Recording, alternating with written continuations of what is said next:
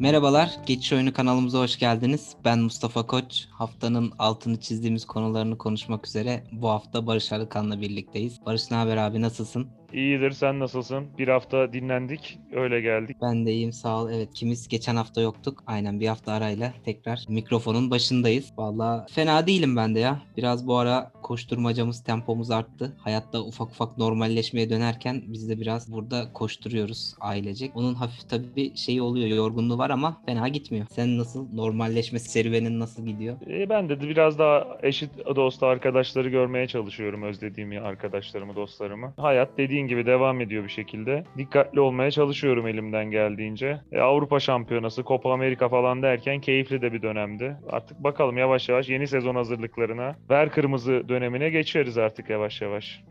Evet ben geçen hafta şey, Eskişehir'deydim. Mert'le görüştük. Aynen dediğin gibi ufak ufak böyle eş dostla görüşmelere falan başladık. Özlemişim de Mert'i. Bayağı orada hem kanalı hem de biraz Euro 2020, biraz yeni sezon azıcık Galatasaray, biraz Fenerbahçe falan derken bayağı muhabbetin dibine vurduk. Güzeldi yani özlemişiz. Yüz yüze sohbet etmeyi de özlemişiz. Öyle. Yani Zoom yerini tutmuyor kesinlikle. Tabii canım muhakkak yani hayatımıza girdi. Belki de çıkmayacak bundan sonra hiçbir zaman ama yüz yüze görüşmenin, sohbet etmenin yerini hiçbir şey tutmuyor. Bu hafta tam finaller haftasıydı. Acayip güzel bir hafta sonuydu. Copa Amerika'da final oynandı. Euro 2020'nin finali oynandı. Wimbledon'da kadın erkek finalleri oynandı. Bayağı güzel bir hafta sonu geçti.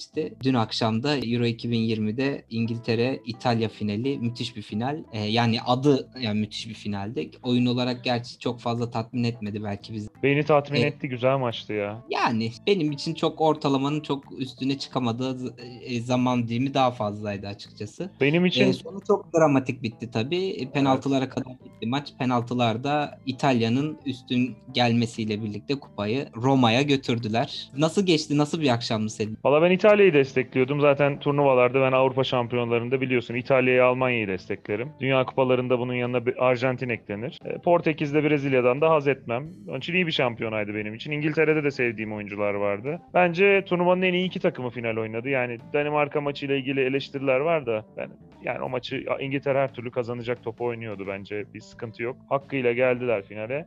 Finalde de 1-0 öne geçtiler ama ondan sonra da İtalya iyiydi. Özellikle ikinci yarı ya şimdi sen maçı vasat bulduğunu söyledin ama ben mesela şu şu tip şeyleri seviyorum. Mancini çok doğru bir şey yaptı. Çok cesurca bir hamle. Ee, yani Immobile iyi değildi. Immobile'yi çıkarıp Belotti'yi almadı. Etkisizdi Insigne.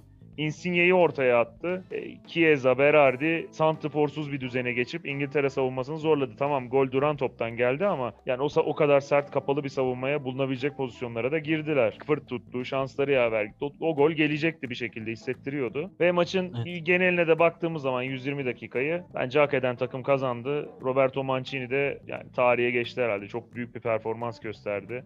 Konuşmuştuk seninle de yani İtalya'nın kadrosu çok vasat bir kadro. Yani turnuvanın en iyi kadrolarını bir sıralasak kafamızda şimdi şey yapsak yani 7. 8. falan olur herhalde. Öyle değil mi? Kim var İtalya'da yıldız olarak? Hadi biraz Verratti falan diyebilirsin de yani E şimdi çok turnuvayla birlikte yani potansiyeli müthiş bir potansiyeli var. Chiesa çok ön plana çıktı yıldız olarak tabii. Chiesa da önemli bir oyuncu da yani nasıl diyeyim çok daha vasat gördüğümüz takımlarda da Chiesa'nın turnuva öncesi vaat ettiği şeyleri gösteren oyuncular vardı zaten yani ya da. Chiesa var ama şimdi ya işte İtalya'nın stoperleri hep iyidir. Ya Chiellini biraz sallandı, Acerbi oynadı mesela. Yani Evet. kötü bir oyuncu değil ama işte Locatelli, Di Lorenzo yani Vasat da oyuncular var ama hoca müthiş bir takım kurmuş gerçekten. Ve o kadrodan işte maç içi hamleleriyle falan da %100'ü al- aldı, alabileceği her şeyi aldı. Ya penaltılarla kazandı ki ben çok haz etmiyorum penaltılardan. Ama yani hak ederek kazandı iki maçı da. Ya işte e, çok birbirini tamamlayan oyunculardan kurulu bir kadro ve onlar da gerçekten performans olarak da kendi vasatlarının biraz üstüne çıktıkları zaman komple takım olarak müthiş bir iş yaptılar. Zaten hani takım olarak hep bahsediyoruz şeyden İtalya'dan. Hani ön plana çıkan çok ciddi bir şekilde Turnuvanın Fark oyuncusu yaratan. söyleyemiyoruz mesela. Şu diye net bir Tabii. şekilde söyleyemiyoruz. Beğendiğimiz Evet. oyuncular var. Ama şu kesin diyemiyoruz yani. Mesela Fransa'nın Ben sanki- ilerlediği noktaya kadar Pogba derdik mesela. Ne Evet, bileyim ben- İngiltere'de Sterling derdik de bu yok yani şeyde. Evet İtalya'da yok. Ee, ben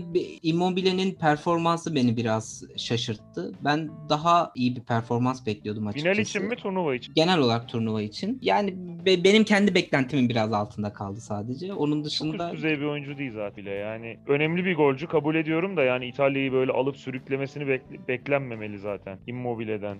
Belotti belki o olabilirdi. O da olmadı. Torino'da kaldı. Yani Evet. o kalitede bir santrfor zaten bence değil. İyi bir oyuncu. Ben beğeniyorum. Lazio'da da çok iyi sezonlar geçiriyor ama yani İtalya milli takımını alıp da böyle Avrupa şampiyonluğuna taşıyacak santrfor o, o değil bence. Evet. Ya zaten öyle de bir oyun da oynamıyorlar. Dediğim gibi çok takım halinde bir iyi bir yapıları var. E, bize güzel de oyunlar da gösterdiler. Yani çok sıkıcı bir İtalya'da değildi açıkçası. Ya İngiltere daha sıkıcı bir takımdı Çok açıkçası. güzel top oynadı İtalya. Hep oynamaya çalıştı. Hiç tutmadı oyunu. Evet hem çok tempoları da yüksekti dediğimiz gibi yani iyi bir turnuva geçirdiler. Yine finalden böyle akılda kalan İngiliz taraftarından biraz bahsetmek lazım. Maç önü ve maç sonrası kötü görüntüler izledik sosyal medya aracılığıyla ki maç sonu işte penaltıyı kaçıran 3 oyuncuya ırkçılığa varan boyutta Ya onlar bahaneye bakıyorlar Evet. zaten. Yolda gördüklerinde de muhtemelen ırkçılık yapıyorlar. Fırsat bulmuşken yapıyorlar. Yani de orada hocaya kızsınlar ya penaltıyı kaçırana niye kızıyorlar? Bukayo Saka penaltı mı atar? Kaç yaşında Bukayo Saka? Kaç tane hayatında penaltı at? Ben Ee, şunu o- söylemek istiyorum sana. Böldüm sözünü ama. Ben mesela şunu duyuyorum sosyal medyada da çevremde de.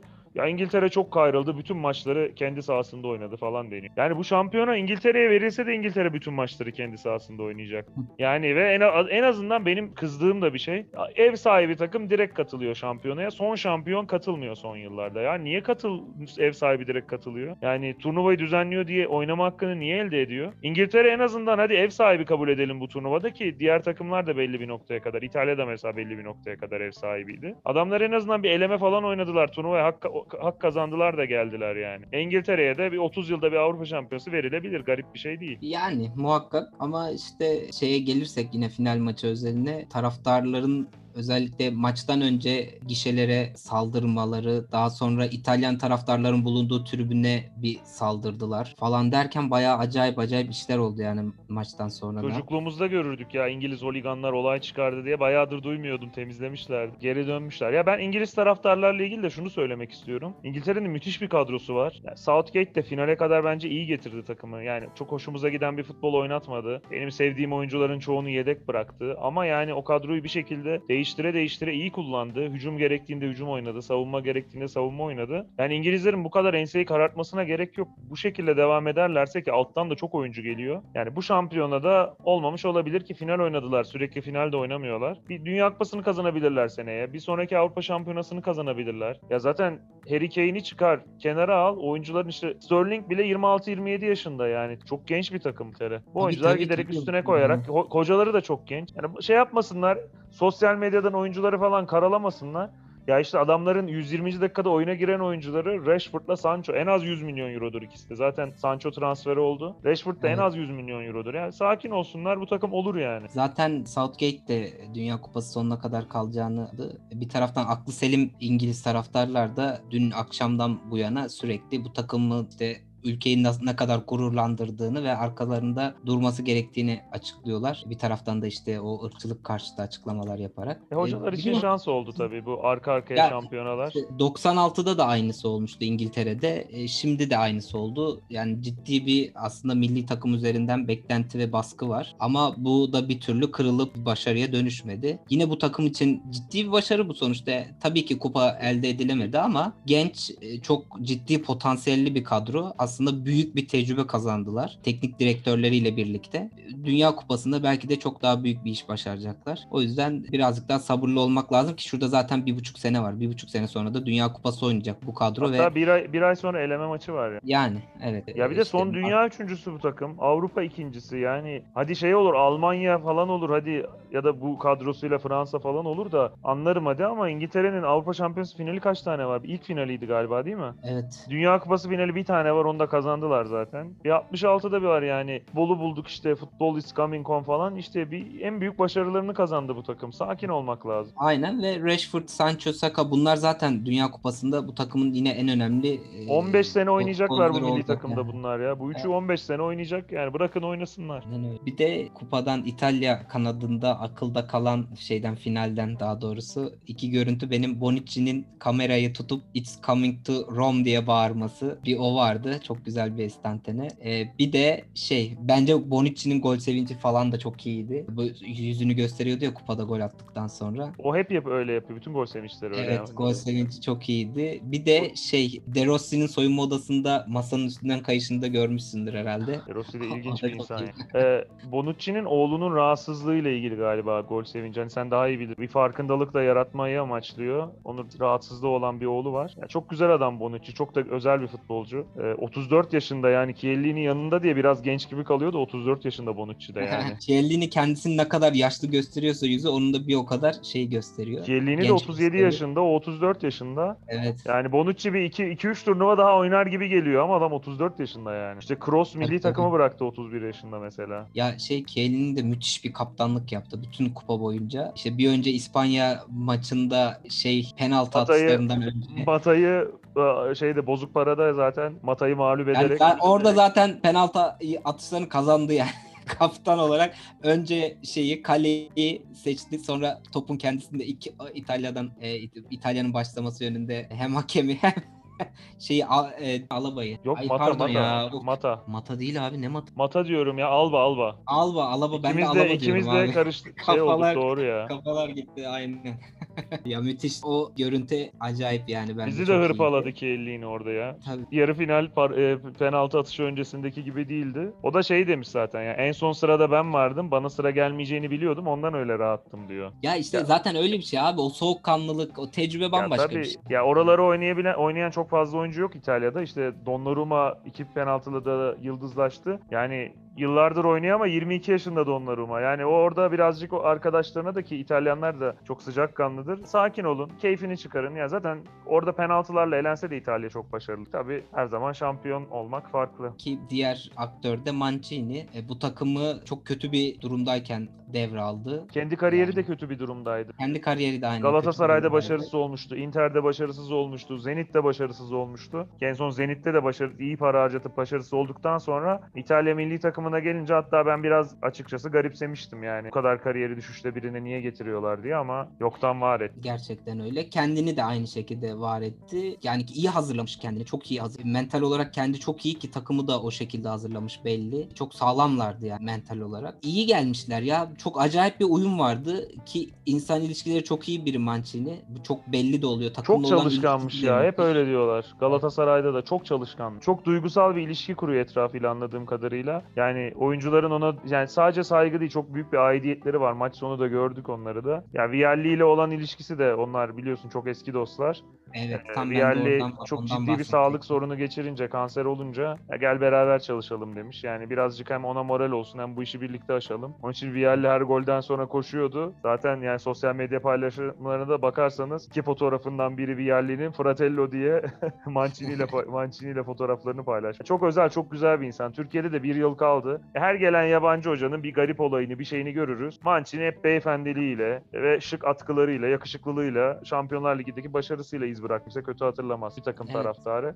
Herkes de öyle- onun adına çok mutlu oldu yani bence. şey tuhaf bir ne açıklaması ne bir şey giderken de şey olmadan gerçekten çalışıp ve keşke e, uygun bir yapı olsaydı o zaman geldiğinde daha uzun süre Türkiye'de kalmış Ya işte olsaydı. bizde şey oluyor doğru bir şey yaptı aslında. İşte Türkiye'ye gelip kovulunca bir Avrupa Şampiyonası, Dünya Kupası kapısı açıyoruz. Onun için o gelmesi gerekiyordu. Geldi. Löw, Del Bosque gibi onlar gibi şeyi aldı. Evet, de İtalya ile. Avrupa şampiyonu oldu. Yani başka kupa finalden aklında kalan şey varsa Benim, ben yarı finalden bir şey söylemek istiyorum. Levent Özçelik çok konuşuldu yarı finalde. Evet. Ya ben saygı duyduğum bir spiker. Hepimiz ondan çok maçlıdır. Ee, onunla ilgili bir iki şey söylemek istiyorum. İlgim de var biliyorsun. Spiker olmak benim çocukluk hayalimde olamadım. Yani ben şöyle olması gerektiğini düşünüyorum. TRT'nin yanlış yaptığını düşünüyorum. Erdoğan Arıkan'ı tanırım da. Çok önemli bir spikerdir. Sadece spor spikeri olarak değil, eğitmen olarak da. Levent Özçelik de aynı şekilde. Ya bu insanlardan bence kurum farklı şekilde faydalanmalı. Yani yıpratıyorlar. Genç spikerler var. İşte finali anlatan Hünkar Mutlu da gayet güzel anlattı bence. Ee, o tip gençler e, bu işi yapmalılar artık. Bu tip insanlar da genç spikerlere, spiker adaylarına bilgi e, bilgilerini, tecrübelerini aktarmalılar. Hatta yanlarında gitmeliler. Yani Wembley'e gitmelerinde hiçbir sakınca yok. Gitsinler. Nasıl ne yapılır orada? Maç öncesi nasıl hazırlanılır? İşte e, meslektaşlarıyla e, e, diğer ülkelerden gelen nasıl iş olur? Nasıl bilgi alın? Yani sadece spikerliği değil. Orada kurumu nasıl temsil edeceğini de öğretsin. Çok iyi eğitimci bunlar. Ben 1-2 saat dersime gelmişti Erdoğan Arıkan. Oradan biliyorum. Yani TRT'nin en iyi spikerlerinden bu insanlar. Ya bu şekilde faydalanmak lazım. Hem o kişilerin hafızamızdaki yerini kötüleştiriyorlar. Hem de yani şimdi Avrupa Şampiyonası yarı finali çok güzel maç. Konuşulan onun yaptığı bir hata oluyor. Yani o da ben bu konuda da bunları söylemek istedim. Açıkçası işte TRT'nin dönüştüğü durum ortada. Onunla birlikte içi de maalesef yavaş yavaş bambaşka bir hale geldi. Dediğin spikerler bizim özellikle hafızamızda çok maçta sesleri var. Ancak onlar da o dönüşümle birlikte tuhaf bir hale geldiler. Yani Erdoğan Arıkan son işte benim hatırladığım 5 yıldır sadece top ceza sahasına girdiğinde anlamsızca bağırarak maç anlatıyor. Başka hiçbir yaptığı bir şey yok. Ve Ee, ve ben yanında maç anlatıyor olsam ve bağırsam muhtemelen beni uyarır. Barış şey, e, spikerler maçın önüne geçmemeliyiz der. Yani çok çok ciddi bağırarak maç anlatıyor. O da top ceza sahasının içine girdiğinde aniden bir sesi yükseliyor. Ya Tuhaf kurum hafızası kalmadı maç işte. Öyle Yani ben bir de o- ondan bahsedecektim. E, Levent Özçelik de o şekilde yani maç anlatımı yıllar önce Galatasaray'ın UEFA finalini anlat oradaki anlatımını da biliyoruz. E, o ne hale dönüş. E, bir taraftan da işte şey var yani şu an genç spikerler de var TRT'de ama onlar nasıl TRT'de o TRT'nin eğitiminden geçerek o mikrofonların başına geçtiler. Belki de yıllarca mikrofon bile verilmedi onlara. İlk önce o aşamaları kat etmeleri gerekiyordu. Ama şimdi yeni gelenlere de bir eğitim verilmesi gerek. De- dediğin gibi farklı bir şekilde TRT'nin o kendi kimliği ve kültürünü o gençlere anlatması, yapmaları, bu eğitimleri yapmaları gerekirken hala daha maç anlatmaya çalışınca işler biraz değişiyor. Ya şöyle, Yani- ben sorunu söyleyeyim hani ben de e, başvurmak istedim yıllardır. TRT sınav açmıyor uzun süredir. Yıllardır sınav açmıyor. İşte İstanbul'daki e, stüdyosuna ya da İstanbul'daki ekibe e, özel kanallardan transfer yapmayı tercih ediyorlar. Şunu yapıyorlardı eskiden yani bu Yalçın Çetinler, Erdoğan Arıkanlar da bu şekilde veya işte Lig TV'deki iki Melih pek çok bildiğimiz spiker. Yani TRT bir sınav açardı, başvurulurdu. Binlerce insan başvururdu. Birkaç kişi alırlardı. Onları da TRT'nin içinde senin de biraz önce bahsettiğin gibi bazısını radyolarda, yerel radyolarda yani TRT'nin Erzurum, Trabzon'um artık. Belli süre orada eğitirlerdi. Sonra yavaş yavaş televizyona çıkarmaya başlarlardı. Ve ondan sonra devam ederlerdi. Bunlar zamanla işte Yalçın Çetin olurlardı. Veya, e, ve o ekibin içinde de e, işte tecrübeli spikerler ya da yeni bırak spikerler eğitirlerdi. Bu kurumsal hafızadır. Çok zor elde edilir. TRT de zor elde edilir. Ama kolay bir şekilde kaybetti. Şu anda da hala bir iki tane öyle spiker var. İşte Necati Telli var galiba. Bir de Eren diye biri var galiba. Ben beğeniyorum ikisini de. Onlar ha, bu şeyin son demleri aslında. Son bu tedrisattan geç gelenler. Ben yine Avrupa Şampiyonası'nın en beğendiğim spiker performansları. Bun, onların yani umarım düzelir bu. Bu arada çoğu maçların olduğu şehirlere de gitmediler. Bu İstanbul'dan anladı. O da vardan. E, turnuva e, takip edip maç anlattılar. Senin deminden bahsettiğin işte kurum dışarıda nasıl temsil edilir? Diğer meslektaşlarıyla nasıl iletişime geçerler? Yani biz şunu çoğu zaman çoğu futbolcunun isminin telaffuzunu büyük turnuvalarda öğrenmişiz. Çünkü özellikle Dünya Hames, Kupası'nda bu olur. Hames işte. Mesela Hames. O nasıl öğrendik bunu? O maçı anlatan yerin diğer meslektaşlarıyla o kadrodaki isimlerin nasıl e, telaffuz edildiği üzerine sohbetler Yok, şöyle notlar olmuş o da, aldığını Hünkar Mutlu- Hünkar Mutlu açıklamıştı onu. Kolombiya'daki elçilikten falan bilgi almışlar galiba. Hatta diyor 3 kere sordum. James olmasın. Biz o zaman hep James diyorduk hatırlıyorsun Porto'daki o genç Kolombiyalıya. Hames deyince çok şaşırmıştık. O da öyle açıklama ihtiyacı hissetti. Yani bir spikerin görevidir. Abartmadan tip telaffuzları. O iş öyle yani öyle muhtemelen yani Hünkar Mutlu da kendi kendine yapmamış. Yani o TRT'deki mesleki büyükleri ona o Tabii şekilde öğretmiştir. Bu Neyse bu konu çok o uzun sürer ya. yani. Ben dertliyim Ee, bu konuda. Evet. Neyse oradan o zaman hemen e, Messi'ye geçelim. Finaller hafta sonuydu. Bir de Copa Amerika'da final oynandı. Brezilya ve Arjantin finali vardı. Rüya gibi bir Neymar'lı final ya. Hiç denk Brezilya, gelmiyorlardı. Evet, Neymar'lı Brezilya, Messi'li Arjantin'le karşılaştı ve Arjantin Brezilya'yı yenerek Copa Amerika'da şampiyon oldu. Messi de büyük turnuvada başarı kazanma şansına erişti sonunda. Ee, sürekli Ronaldo ile kıyasında milli takımla elde ettiği başarı konusunda elde edemediği daha doğrusu geride görülüyordu. Ancak o da nasıl ki Ronaldo e, kendi milli takımıyla kıtasının e, şampiyonu olmuşken o da Copa Amerika'da şampiyondu ve milli takımdaki ilk büyük uluslararası kupasını kazandı. Ne olacak şimdi bu rekabette artık sence? Daha neyi tartışacağız? Ya ben şeylerden yana değilim bu tip konularda işte şu kadar kupa kazandı, bu kadar Ballon d'Or kazandı. Ben etkisine bakıyorum. Beni Messi daha çok etkiledi. Daha uzun süre futbola hükmettiğini ve hal Messi Ronaldo biraz daha düşüşe geçti. Messi biraz daha devam edebilir. İyi bir Barcelona'da kurulursa. Ya Messi bir kere bence şunu aşmış. E, hatırlıyorsun o ergen tripleri olan Copa Amerika finali kaybedince milli takımı bırakan Messi gitmiş. Takım içinde çok saygı gören yani tabii ki Messi gelmiş geçmiş en büyük futbolcu belki ama yani maç bitti. Herkes Messi'ye koşuyor. İnanılmaz bir şey yani. Bunu Evet. sağlamış olması bence çok kıymetli. Ve hep Arjantin milli takımında böyle lüzumsuz oyuncular olurdu. Ya bunun ne işi var derdim. Ya bu sefer ben çok beğendim Arjantin takımını ya. Bence olması gerektiği gibi her mevkide. Yani şey de değil. O Sabella'nın, rahmetli Sabella'nın 2014'te 5 hücumcu, 5 savunmacı, ortada Di Maria'sı gibi de değil. Ee, yani beğendim Arjantin'i. Seneye ümitliyim ben. Ümitlendim. Aynen Messi de zaten turnuvanın en değerli oyuncusu seçildi. Gol kralı olarak tamamladı ve 4'te asist yaptı. Pardon 5'te asist yaptı. 4 gol 5 asist. Öyle tamamladı turnuvayı. Turnuva ya artık gerçekten ben bunu istiyorum dedi. Son Ee, zaten bu seneye. turnuvayı. Ondan sonra zor. Tabii evet bundan sonrası zordu. Son da e,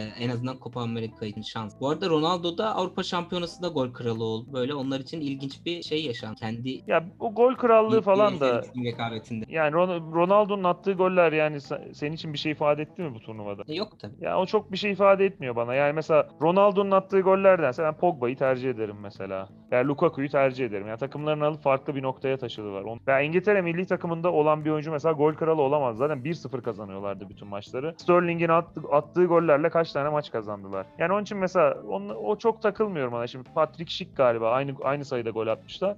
Ya Patrick Schick'in e, bu kadar gol atması kıymetli bir şey. Hem Ronaldo kalibresinde bir oyuncu olmadığı için hem de Çek Cumhuriyeti gibi bir takımı nereden nereye taşıdı, gruptan çıkardı falan. O, o kıymetli ama Copa Amerika'da da Messi'nin gol kralı olması değil ama Arjantin'i taşıması, yarı finalde finalde gol atmasa dahi taşıması ve Brezilya'da kupa kaldırmak gerçekten çok büyük bir bence Messi'nin de futbol bir düşüşteydi bence son zamanlarda Hı hı. psikolojik Hı hı. olarak özellikle kalkışını temsil edebilecek bir maç gibi e, turnuvaydı. Gerçi ben de çok mutlu oldum gerçekten. İnşallah seneye de Dünya Kupası kazanır artık bu boş muhabbetler. Dünya Kupası kazandı kazanmadı. Ben yani boş da boş buluyorum bunu birazcık da. Yani şimdi Almanya maçını izledik. Higuain 3 tane adam getirdi verdi kalenin ağzında. Getirdiği adam da Higuain dağlara taşlara vuruyor. Yani bu Messi kötü futbolcu mu yapıyor? Yani hep aynı örnek veriliyor ya. Maradona getirdi, Valdao'nu attı. Şey atamadı. Higuain atamadı. Aradaki fark bu birazcık da yani. Brezilya'da Arjantin'de Dünya Kupası da kazanabilir. Neyse Oradaki- inşallah seneye Katar'da kazanır. Şeyde bir de Brezilya'da bunu kazanmış olma şansı da Arjantin'in artan vaka sayıları nedeniyle turnuvayı düzenlemekten çekilmesi olmuştu. E, aslında Arjantin'e Kolombiya ortak düzenleyeceklerdi. Kolombiya'da zaten hem salgın hem iç karışıklıklar derken oradan zaten alınmış turnuva. Daha sonra Arjantin'de de vaka sayıları artınca Arjantin'de e, ki ortada kaldı turnuva. E, bir ara Amerika'da ya da Katar'da yapı, yapmayı bile Abi düşündüler ortak ama sonra- düzenleme işini de yani çok fazla abartılmadı mı artık ya? Ya zaten 10 tane takım katılıyor. 2 tanesi ortak niye düzenlesin ya? Ki yani böyle bir dönemde hani o kadar Abi işte toplayın bir yerde oynayın üç şehirde ya. Yani evet o kadar seyahatleri kısmak yerine arttıracak şeyler yapmak da ayrı bir. O, o şekilde Brezilya ben yaparım turnuvayı deyip ki koronanın salgının da en vahim yaşanan ülkelerden bir tanesi. Yok aynı varsayıyorlar zamanda. zaten ya biliyorsun. Yani o da ilginç bir durum. Brezilya'da düzenlendi. Bu şekilde Messi de Brezilya'da Brezilya'ya karşı Copa Amerika şampiyonluğunu yaşamış Ya oldu. şeyde çok güzel bir görüntüydü. Onu da söylemeden geçemeyeceğim. En son onu söyleyeyim istersen. Neymar'la Messi de birbirini seven, sayan iki futbolcu beraber de oynamışlardı. O görüntü de gerçekten çok şıktı. Yani Neymar da ağlıyordu, çok üzgündü. Ama yani saygı duydu. O büyük futbolcuyu gitti, sarıldı, tebrik etti ki Messi son iki maçı galiba sakat sakat oynamış. Yani bayağı sıkıntılı bir şekilde oynamış. Onun için belki arkadaşlarına maç koştu. Neymar da yani büyüklüğünü gösterdi. Gitti, saygısını gösterdi, kendini de gösterdi. En güzel şekilde tebrik etti. O da çok kıymetli bir şey bence. Muhakkak tabii. Oradan diğer şampiyona Novak Djokovic'e geçti. O da Wimbledon'da İtalyan yeni Grand Slam şampiyonluk sayısında Federer ve Nadal'ı yakaladı. Ya geçti Ee, bence ya. Şu an üçü de 20'de eşitlendi ama tabii ki yani daha kariyeri devam ediyor. Geç, geçecek. O da ayrı bir tartışma. Teniste de böyle bir tartışma var. Abi, Federerciler, teniste bir tartışma yok ya.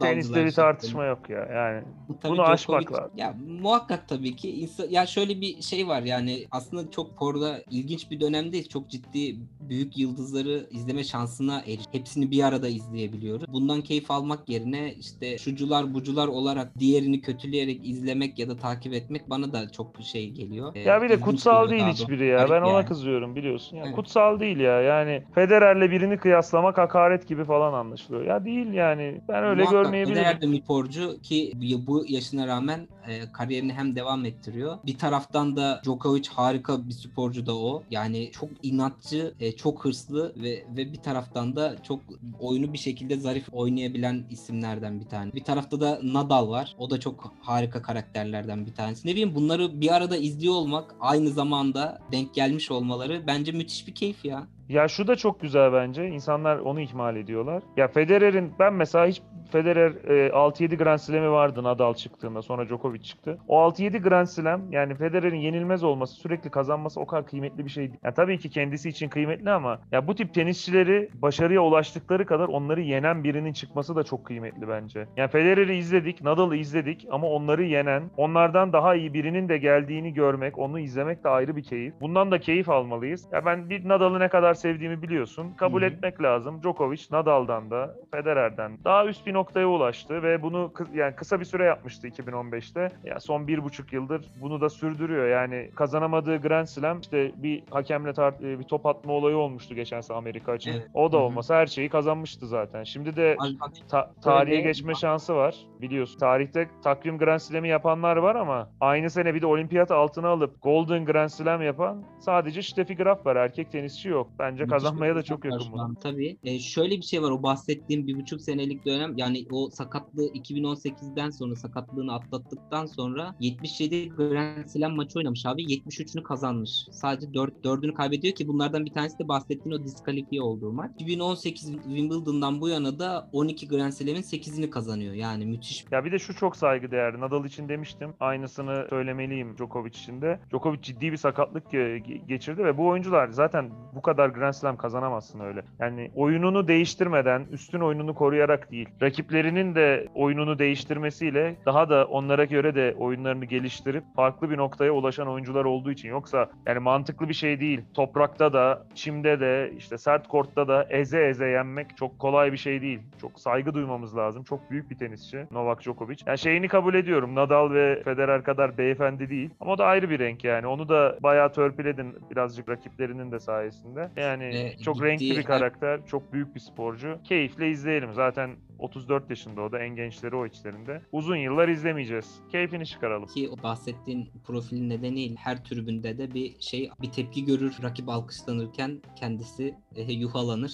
Bir de o bir şey daha var abi bir istatistik daha var onu da vererek aslında başardığı o kariyeri boyunca başardığı kez daha izleyelim. E, ilk Grand Slam'ini kazandığında Federer'in 16'ymış abi sayı. Evet onu E, diyorum ben de. Şu an Federer'in kariyeri bitmeden onu yakalamış oldu. Ya Federer, bir- Federer'i Wimbledon'da kaç kere yendi ya? Wimbledon hep kalesi falan dedi. Bence Djokovic'in kalesi. Kaç kere yendi? Djokovic diyoruz işte 13 tane kazandı e, Roland Garros falan. Yani Nadal'ı iki kere yendi Roland Garros'ta. Yani finale denk gelmedi. Yarı finalde yendi ama yani iki kere yenip Grand Slam kazandı ve sakat falan değildi yani. Mesela Federer de saygı duymak lazım. Kazandı Roland Garros'u ama ya Soderling, Soderling yendi ya çeyrek finalde. O da onu yendi. Kazandı yani. Kazandı tamam ama bayağı Nadal sağlamdı. Oynuyordu. Djokovic geldi, yendi, kazandı yani. İki kere, bir kere de değil. Ve arada bayağı zaman da var arasında.